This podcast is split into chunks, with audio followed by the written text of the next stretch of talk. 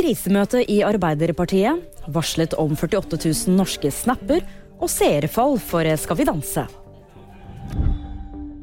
Arbeiderpartiet har mandag ettermiddag møte om bl.a. krisetallene.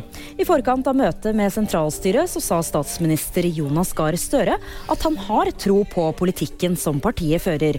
Ap fikk i forrige uke en krisemåling helt nede på 16,9% i Dagsavisen. Vi skal komme gjennom en uh, tøff vinter og tøff tid, men vi har tro på den politikken vi følger, og den skal vi gjennomføre i god dialog med partiet.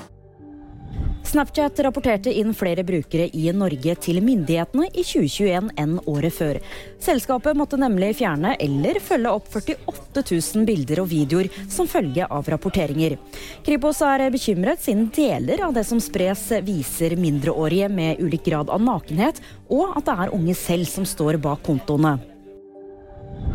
Seertallet for Skal vi danse-finalen fortsetter å falle.